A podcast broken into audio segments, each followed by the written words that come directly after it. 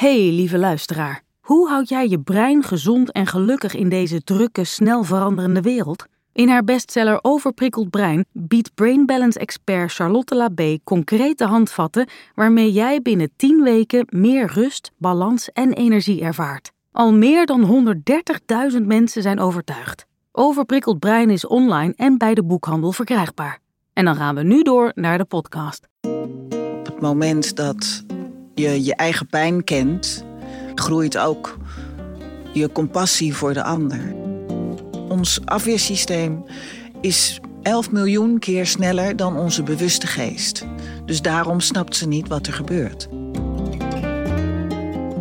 Welkom bij de nieuwe podcast Lieve Marianne, waarin ik brieven beantwoord over het leven en de liefde.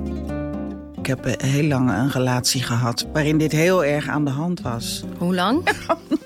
Nou, dat durf ik niet te zeggen, 25, 25 jaar. En over grote en kleine problemen. Ik ben therapeut en schrijver Marian Mudder. En ik ben Rachel van der Pol, jouw sidekick. Mijn Robin. Dat pleasen, daar voel je je rot onder en toch doe je het. Het is een overlevingsmechanisme. Sommige mensen gaan beter op EMDR. Lijkt net of je nu zegt, sommigen gaan lekker op LSD. Met deze podcast hopen we wat troost en inzicht te geven aan wie dat nodig heeft.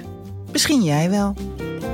Luister naar Lieve Marianne vanaf 20 april in je favoriete podcast-app.